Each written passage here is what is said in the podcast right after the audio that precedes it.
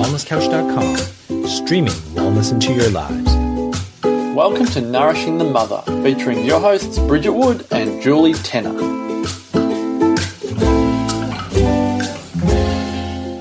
Hello and welcome to Nourishing the Mother. I'm Bridget Wood. And I'm Julie Tenner. Nearly forgot to say my own name.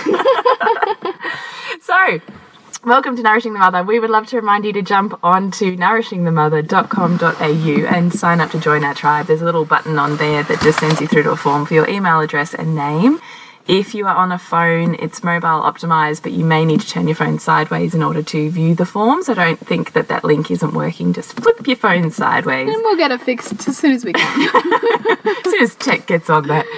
Um, and we would love you to do that because we really try to create an incredible tribe of conscious mums that really are inspiring each other to, to keep delving, to keep digging, to keep creating these incredible Yeah. beings in this world.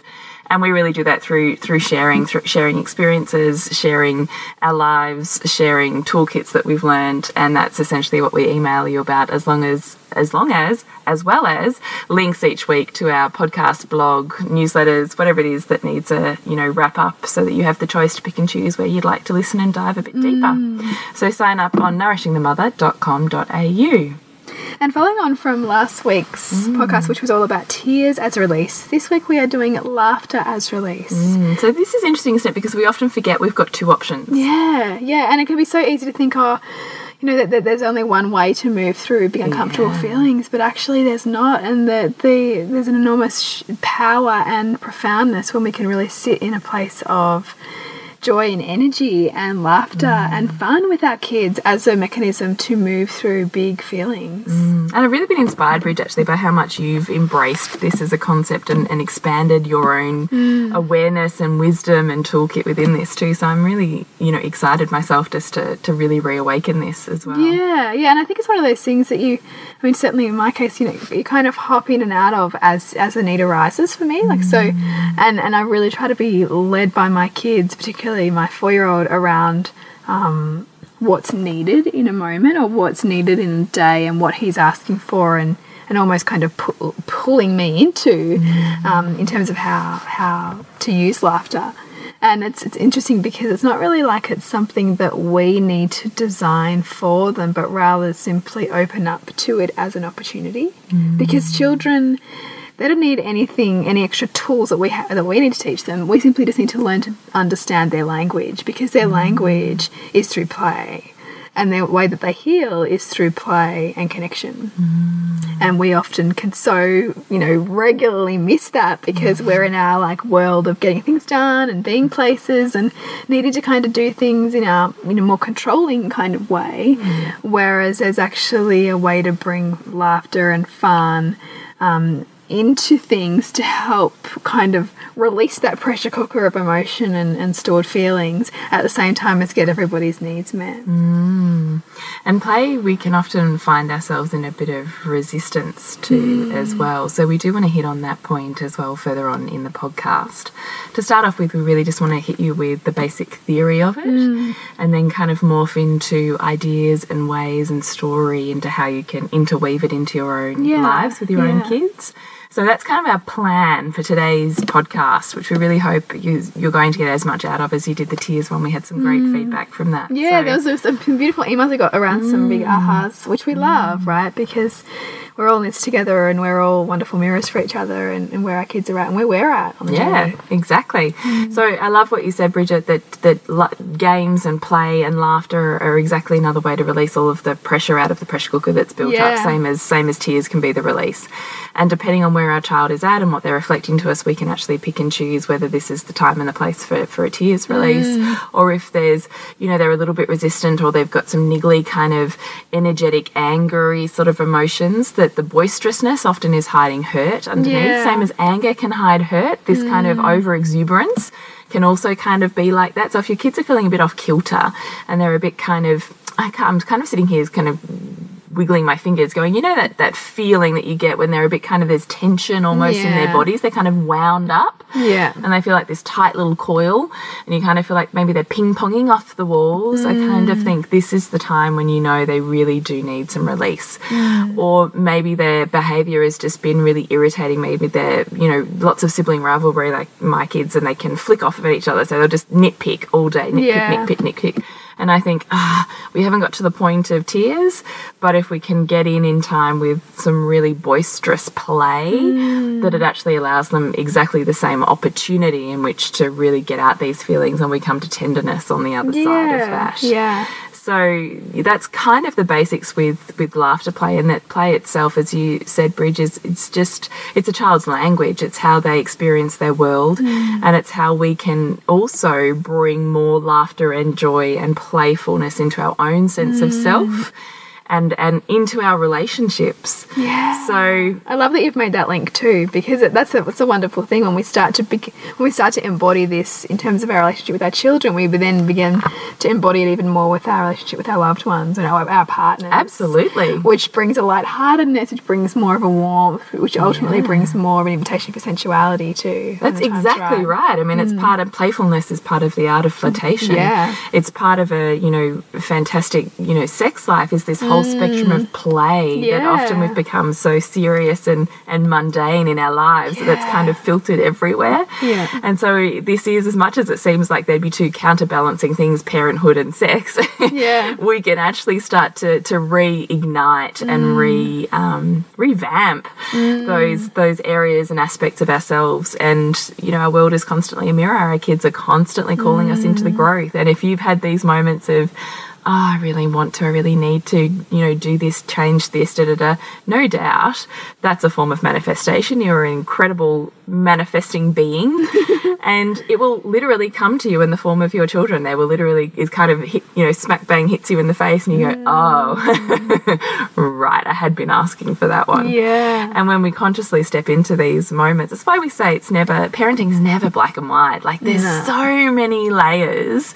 It just kind of blows our minds. And we hope that, that you kind of get that as you're listening to our podcast along the way too, that this, mm. this dynamic of mother and child is so profound. Mm. It's just the pathway to so much growth and, and enlightenment that, Absolutely. you know, how could we ever devalue it? I don't mm. know. But that's the whole point of this tribe. so, Exactly. I mean, you that's, know, that's what's happening in the tribe, right? Is that there's an incredible when people when the ahas hit. Yeah. It's like wow, like we're humbled again and again. Yeah, exactly. But I guess stereotypically, in terms, we're coming back to play and laughter.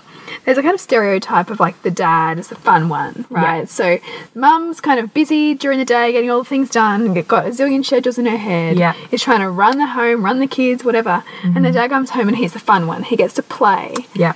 and and there sometimes can be that real sense of disconnect and, oh, and sometimes in a mother of resentment towards him coming and wrecking it all or kind of mm. changing the tune and, and you know up upping the ante but sometimes the bigger that little button for you in terms of their behavior or the, the, the dad or the father figure doing that kind of dynamic, the more it's actually an invitation for you to find your own way to enter into that space. Mm. Because there actually is a way, and Jules, you talk about this quite a bit, a way to still have that busy life, to have that you know incredibly scheduled week, and still find the fun, still mm. find the laughter as a as a way to transition. Even mm. you know the laughter and games as a way to get things moving, to get things done, to get the outcome you need, as as opposed to needing to default perhaps to the um, standard parenting line of just you know Just do it. Nike just do slogan. it. Yeah, you know, just just get it done. I don't want to hear. I don't want to hear it. You know, you have to do what I said. You know, I that know, kind of stuff. I know. And we've probably all played with this in terms of maybe you've done, you know, choo choo trains to the bathtub, Yeah. or, you know, you've played the aeroplane at dinner time, or, you know, some other version of a game when you're brushing their teeth, or, you know, something like that. We've all kind of probably played with it on Mm. That level. Yeah. But I do think where we want to take this conversation is somewhere probably a little bit deeper than that, Yeah. in that play when it's really consciously thought about can be absolutely tailored to to the sweet spot of their hurt or, or that border of their growth. And in that case we can actually use it to really um, help them build a toolkit through that emotion and an ability to really handle themselves within that space. It's it's you know a stacking of Yeah, resilience. and I think also examples of some great examples of, of using play intentionally like that or laughter games intentionally like that can be for things like perhaps medical procedures or the dentist or getting in the car seat. Any any um, areas of perhaps resistance, fear, or trauma for children can be really great ones to find games to work through. And I believe we touched a little bit on that in our podcast with Marion Rose, which is specifically on attachment play, which was Yeah. back at episode 42.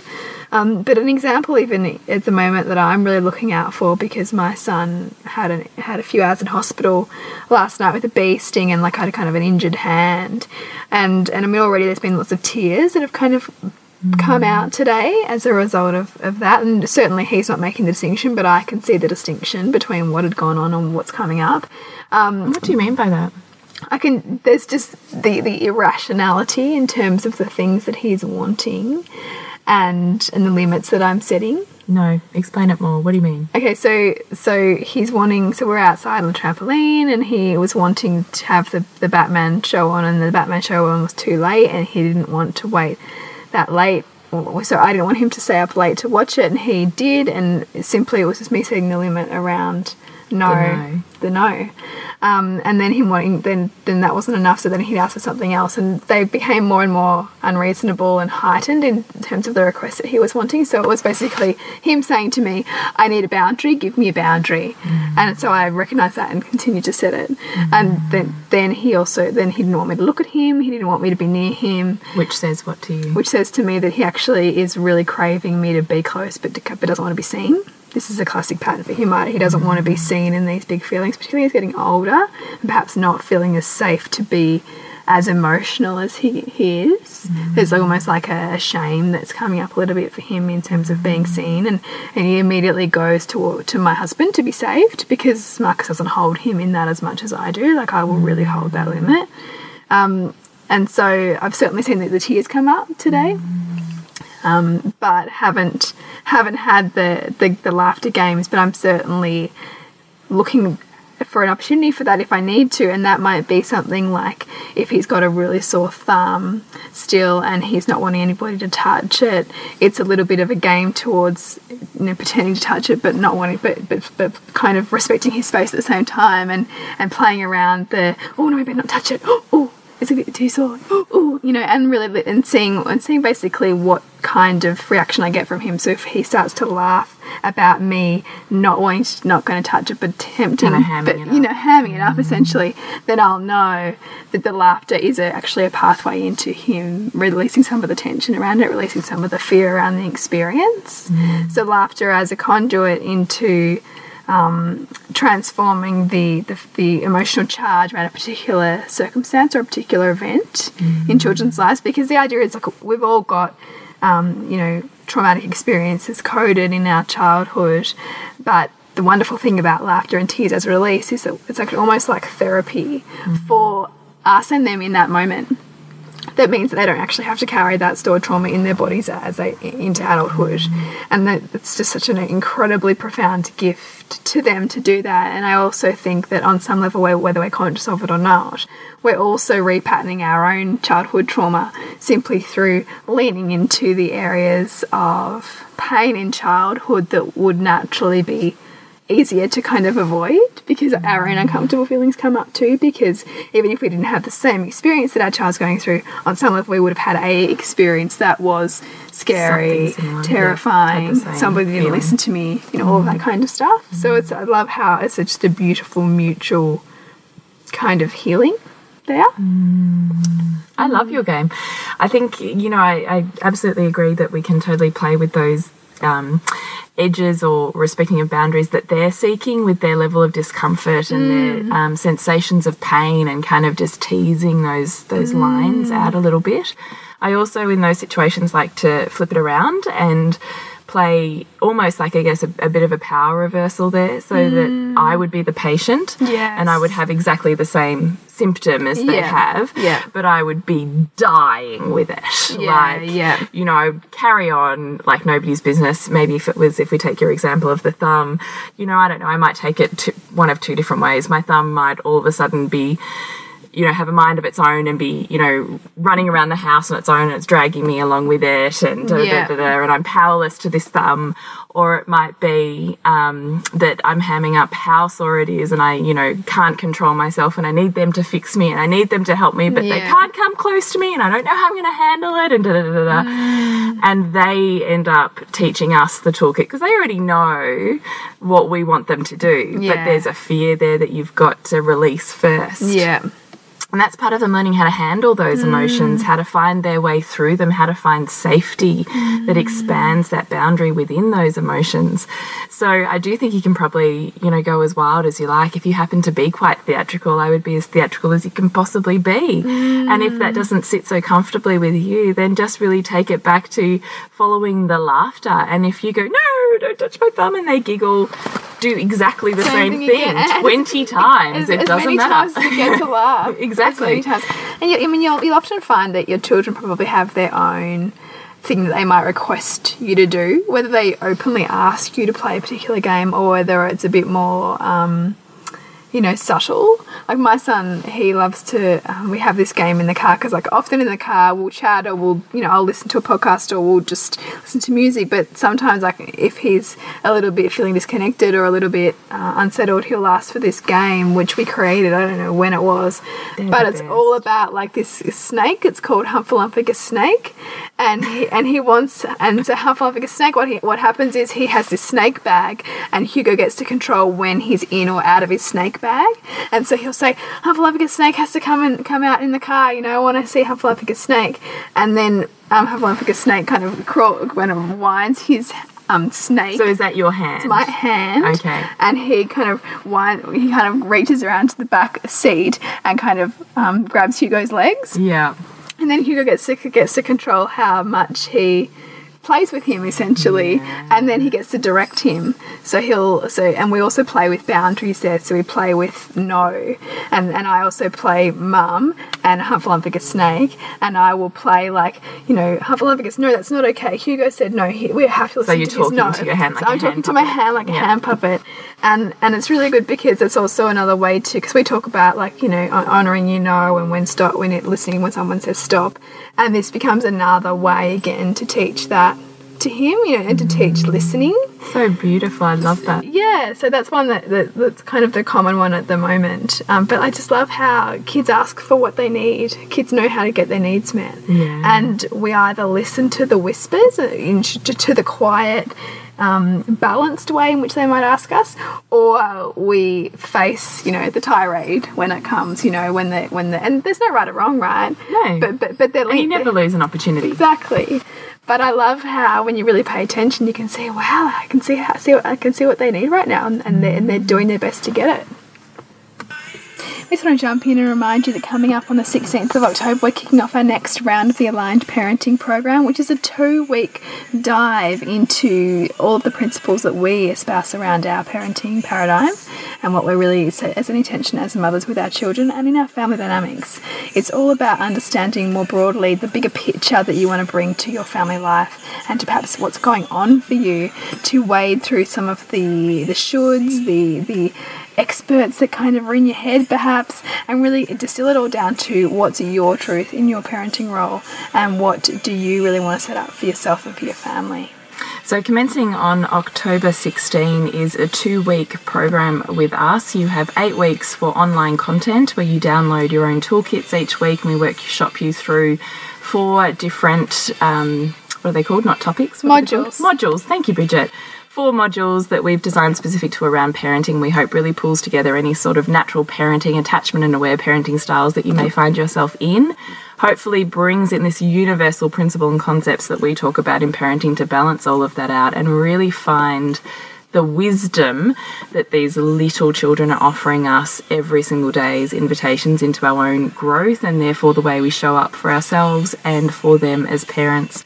So we would love you to join us at Aligned Parenting, which you will find on nourishingthemother.com.au forward slash online programs, Aligned Parenting. And we would love to have you join us for two intensive weeks on social media with us and then members only access after that. So jump on.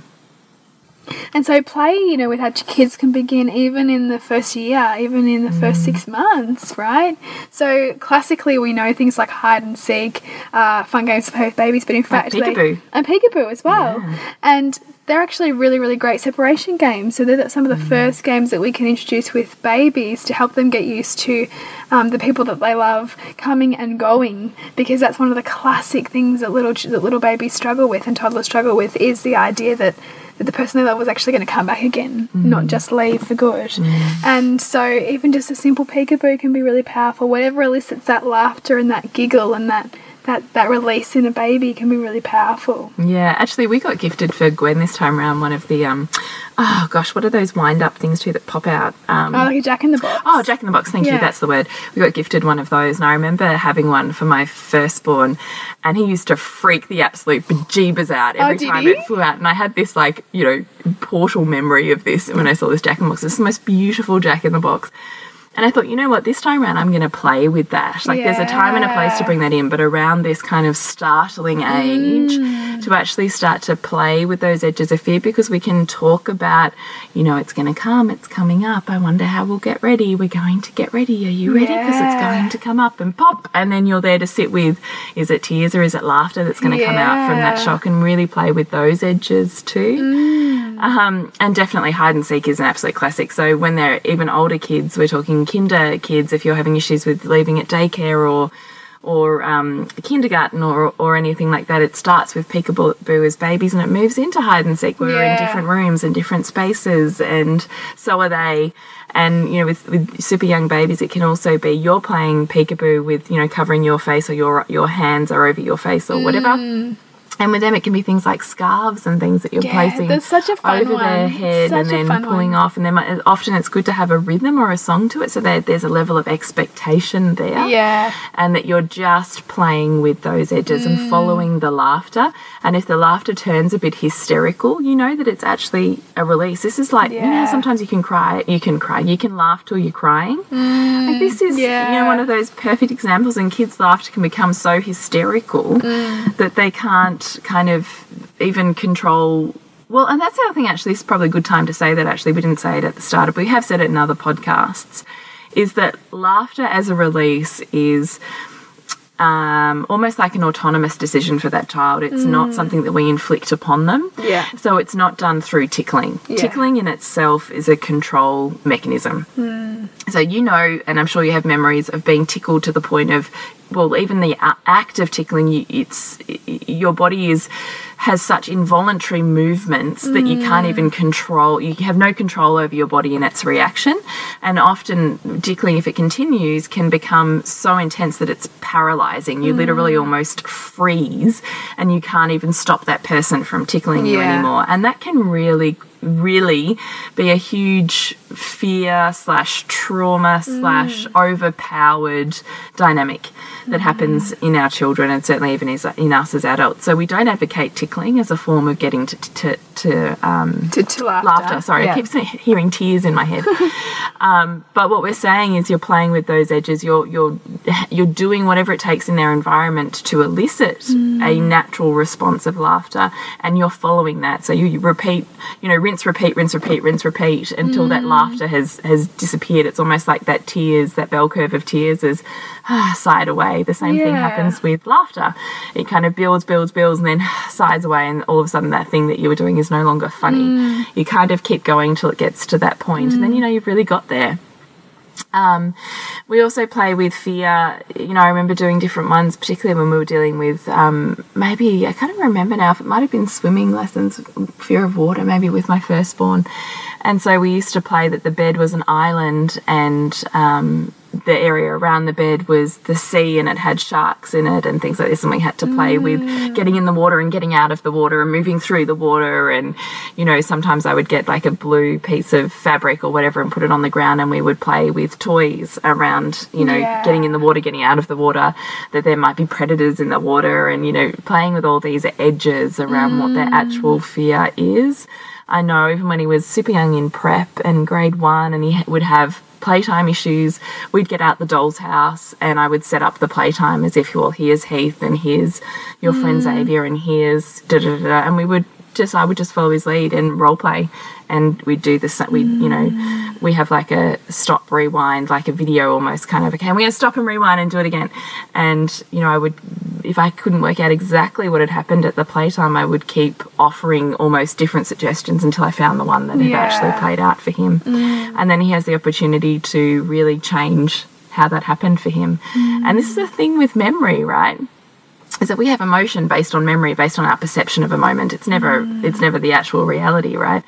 And we can actually scratch a memory. That's how we say rose colored glasses, right? Because we can actually, like a record, we can scratch that memory and it doesn't mm. play exactly the same mm. way. That's why it's so powerful to do this kind of thing. Exactly, that's my point. We can literally rewrite in terms of their emotional patterning what happened and how they experienced that and therefore how they remember that. And how they use it, how they use that experience. yeah, the meaning they attach to that Yeah. experience. What, what's really sitting with me at the moment is I'm thinking about perhaps the mums who are listening and who are uncomfortable with how to how to invite play or how to be okay with play and, Mm. and laughter because I'm already thinking about um, like Sylvie often at bedtime she'll st- she'll initiate peekaboo at bedtime, Oh. which is really cute. And And that's that whole nighttime saying goodbye to mum thing. That's right. Yeah. You know, and but but I felt at one point me going, no, no, it's not playtime, it's bedtime. Mm. I felt myself say that once. But that was that because you had were kind of peeking out by that. Yeah, point? yeah, it was yeah, yeah. It was like a tank full Yeah. empty Yeah. arrangement. Yeah. But I also thought, wow, it's interesting, isn't it? Because she's actually asking for exactly what she needs to be able to settle herself enough for sleep. Mm. But sometimes we don't always meet our kids where they are with, you know, or, or in, in, in a way that they're asking us to step up, and we can't always. That's that's, that's No, the reality. But it is interesting to see where our own resistant points are and why they come up when they do, and perhaps what is our own story around play. Is is Mm. play not safe, not fun, boring? Um, you know, there's better things to do. Um, it's too indulgent. Like, what are your own beliefs around laughter and play with your kids um, that, that either um, that make it okay or not okay? Because depending on perhaps your own story of childhood, um, that it might not be. Sometimes it might not be safe for you. And it's always important to check in with yourself around what your own story is with some of these games and, s- s- and some of the ways in which our children are asking us to show up. Well, what the belief is that's underlying your resistance to play. Yeah. Why don't I want to do that right now? And, you know, often we can have these sentences that run through our head that prevent us from acting, but they're not actually based in anything. But unless we self check in those moments, we just roll with them. Yeah. And it becomes our kind of default. Yeah, that's right. Yeah, Yeah. it can also become a, a source of um, perhaps conflict or resistance or, or disconnection in our relationships with our kids because if that's what we kind of keep, the track we keep going back to, it, it becomes this sort of gulf, you know, in terms of the, the our environment with them, which I which I love the opportunity to then consciously look at and ask ask why is that like that? And I love that you brought up bedtime because I actually think games um, could, I'm not going to say should, could be part of bedtime routines. Yeah. So we've talked about this probably many times before. But as it's a masterclass, we're going back here, is that often we want to get to bedtime and we've spent all maybe two hours, you know, winding them down Yeah. for bedtime, thinking we need to be calm to get into bed. But often, if you've got these feelings kind of running, running, running, running through your body, you know what it's like when your brain doesn't switch off and you mm. can't get to sleep. It's no different for kids, particularly if their bodies are full of feelings that are just kind of pent up and have nowhere to go, that is kind of creating havoc on the inside. Mm.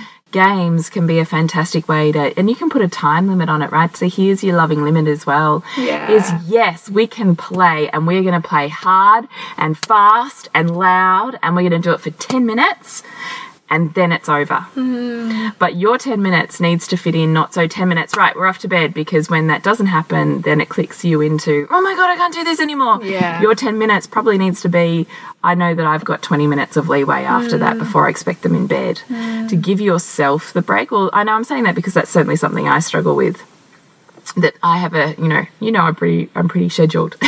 and same thing with bedtime because I'm looking forward to that clock off. I'm mm. looking forward to that time of this is my time now and I work or I rest or I connect mm. with my husband and I need that time and Yeah. I'm to some extent hanging out for it. Yeah. So if whatever's happened and my kids are now encroaching on my time, I get like, mm. that's enough. Yeah. We're done here. Yeah, yeah. and, and there's nothing left. There's no tolerance. Yeah. There's nothing. Um, and so to avoid that boundary that I know I get to, I make sure that I've got I've organized that time before bed enough mm. that that play allows me at least 20 minutes before I need them in bed asleep Yeah.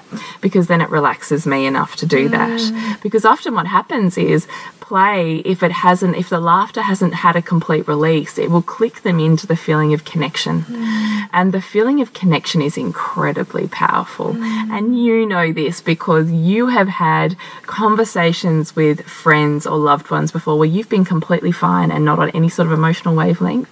And then all of a sudden that person looks at you a certain way or holds your space in a certain manner or says just one word and all of a sudden it's hit you to that sore spot you've been kind of ignoring all day mm. and you're a blubbering mess.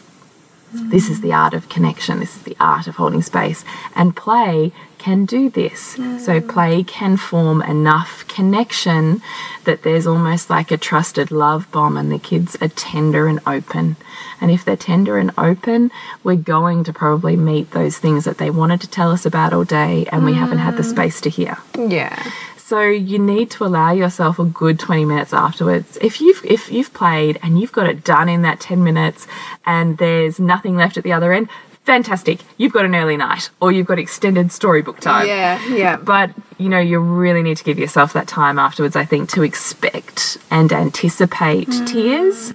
Or that they're going, no, one more, I want it again, another one, another one, another one, which is just don't let it stop because I'm on this edge. I'm on this Yeah. edge of release and I don't really want to because I'm holding it all in. So one more, one more, another one, another one, another one.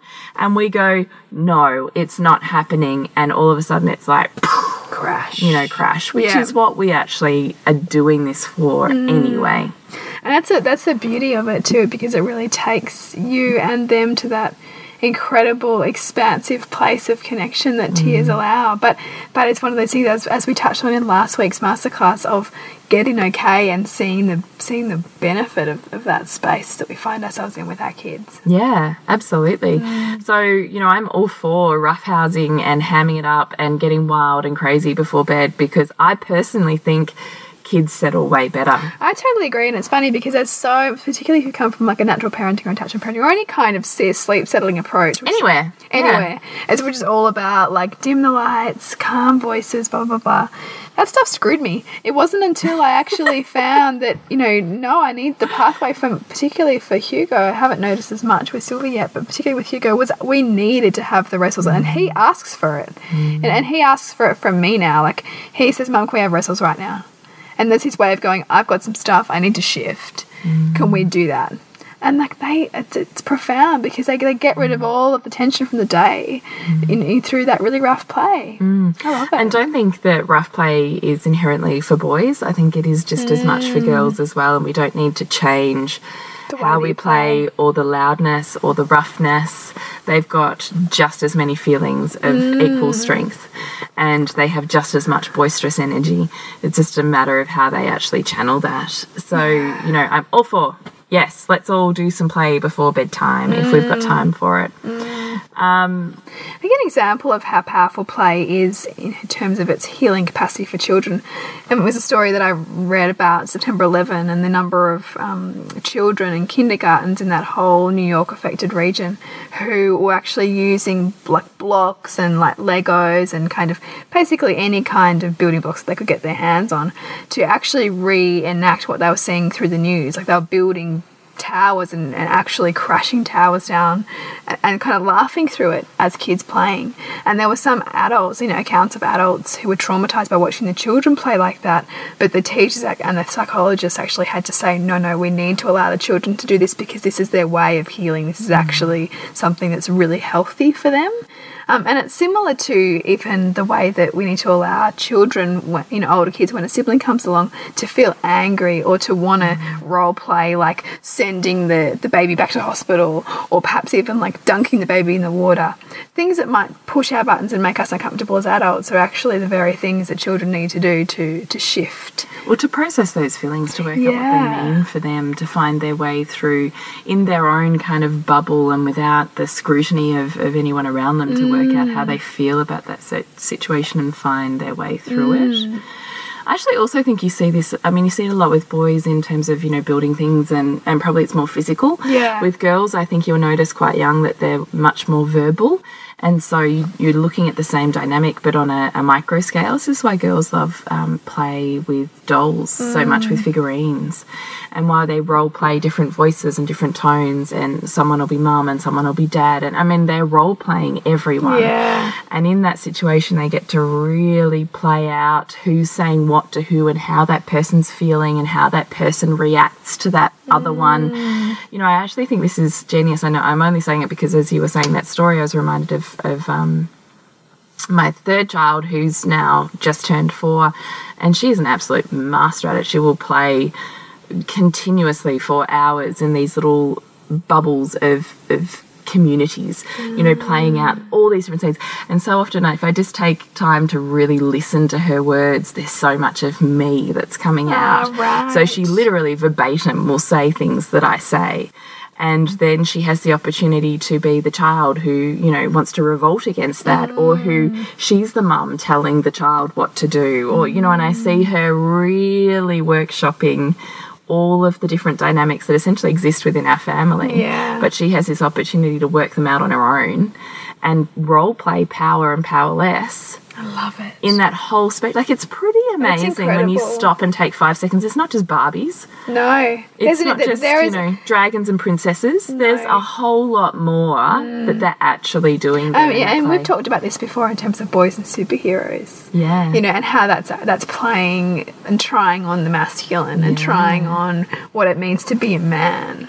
And really explore that kind of energy and dominance and all of those kinds of new new aspects of self that they're journeying through. Like there is an incredible richness to play that I think so often as adults we don't we um, skim over. we skim over, you know, because of all of our stuff. But I think, wow, like there's just so, particularly if you know you are spending a lot of time with children, you know, if your children are young and you're spending a lot of time at home with them, th th- there's a way to actually really awaken um, and, and enliven that time you spend with them when you start to see just how amazing their play is, Mm. um, and and and you realize how how fortunate. Um, we are to even be privy to it because it's it's so It's such it's it's an experience of an internal world, isn't it, is. Which as adults you don't get to see because we journal or we keep it to ourselves or you know whatever. Whereas for kids, it's this blossoming of what's on the inside Mm. that has this outward experience. I mean, it's really it's pretty amazing. Yeah. And when you're entering the space in that way, I think you can bring a sense of reverence to what this play environment actually offers them. Mm. Yeah. And same for, you know, this concept of letting them have time to play on their own as well. They may not even want you in there. Mm. Um, and I think I touched on this before that, you know, one of the biggest problems I had with Steiner way back when I was there with my first child was that you weren't allowed, it was a rule, you weren't allowed to enter children's play. okay. So when you were a parent helper in the kinder, your job was to tidy up and essentially you kind of role playing a house. So your mum cleaning, folding, putting things away, mm. cooking in the kitchen for their snack or whatever, and you don't engage really with the children. And I had really big feelings about that back then. And since I've evolved and really witnessed the, um, I'm going to say grandeur or this, the magnificence of children's play and internal worlds in play, the more I understand the reverence of that. Yeah. That, you know, I was watching my mum with my, um, with Lola the other, well, this is several weeks ago now, but she was trying to, and actually she has still this young babysitter who comes over and looks after her for two hours once a week after school when I get stuff done. And I can see that she wants to take over the play or be in charge of the ah. play. And same as my mum's trying to inject herself in the play or direct the story. And they think they're playing with them. Hmm. But what's happening is you're changing the internal world. You're trying to power over their internal experience of a game. And when you look at it that way, I can completely understand why then my daughter's going, Stop doing that! because this is not, you know, she set up this play that you're now trying to control. And that's not what this is about. I so love that because in, in this kind of mirrors a lot of what we talk about in aligned parenting, which is this whole idea of children setting up setting you up to feel what they feel. So even in play, mm. children are setting you up to feel exactly what's going on in their internal world. Mm. And you are like a pawn in their story, mm. essentially. And so that, that, because sometimes, particularly if I'm one of those ones who, one of those mums who sometimes resist play, like, you know, resists oh, getting Don't down. we all though? Yeah, but I, then I think, wow, wouldn't it be cool to actually flip that a bit and go, God, like what an invitation into their world. Like if I'm actually able to sit here and just simply be who he wants me to be in this play, I'm. I don't have to ask him how his day was. I don't have to, you know, get my adult way of getting information. I can simply just allow myself to be set up in this play and be directed by him, and I'm getting mm. a, you know, a birth, an immediate look into his world. Yeah. It's pretty awesome. It's pretty amazing, particularly when they're not as verbal as you know um, older kids are. When we can really understand what's happening for them, it's mm. it's it's an absolute way to, to decode what's happening for them now. Mm. So we invite you into play. We invite you to open up play and playfulness within yourself and to look at the beliefs and the resistance that are underlying why perhaps you don't want to Yeah. and perhaps see how by this practice of just expanding, you know, small millimeters at a time of play within your world creates more playfulness around your whole world, not just this one mm. particular area. So we invite you to play. Yeah.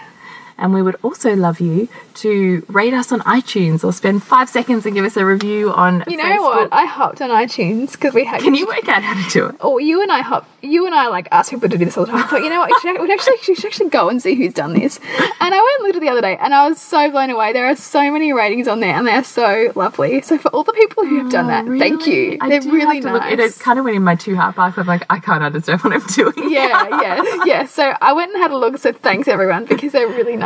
But of course, we would love more. So if you haven't yet, we'd love it.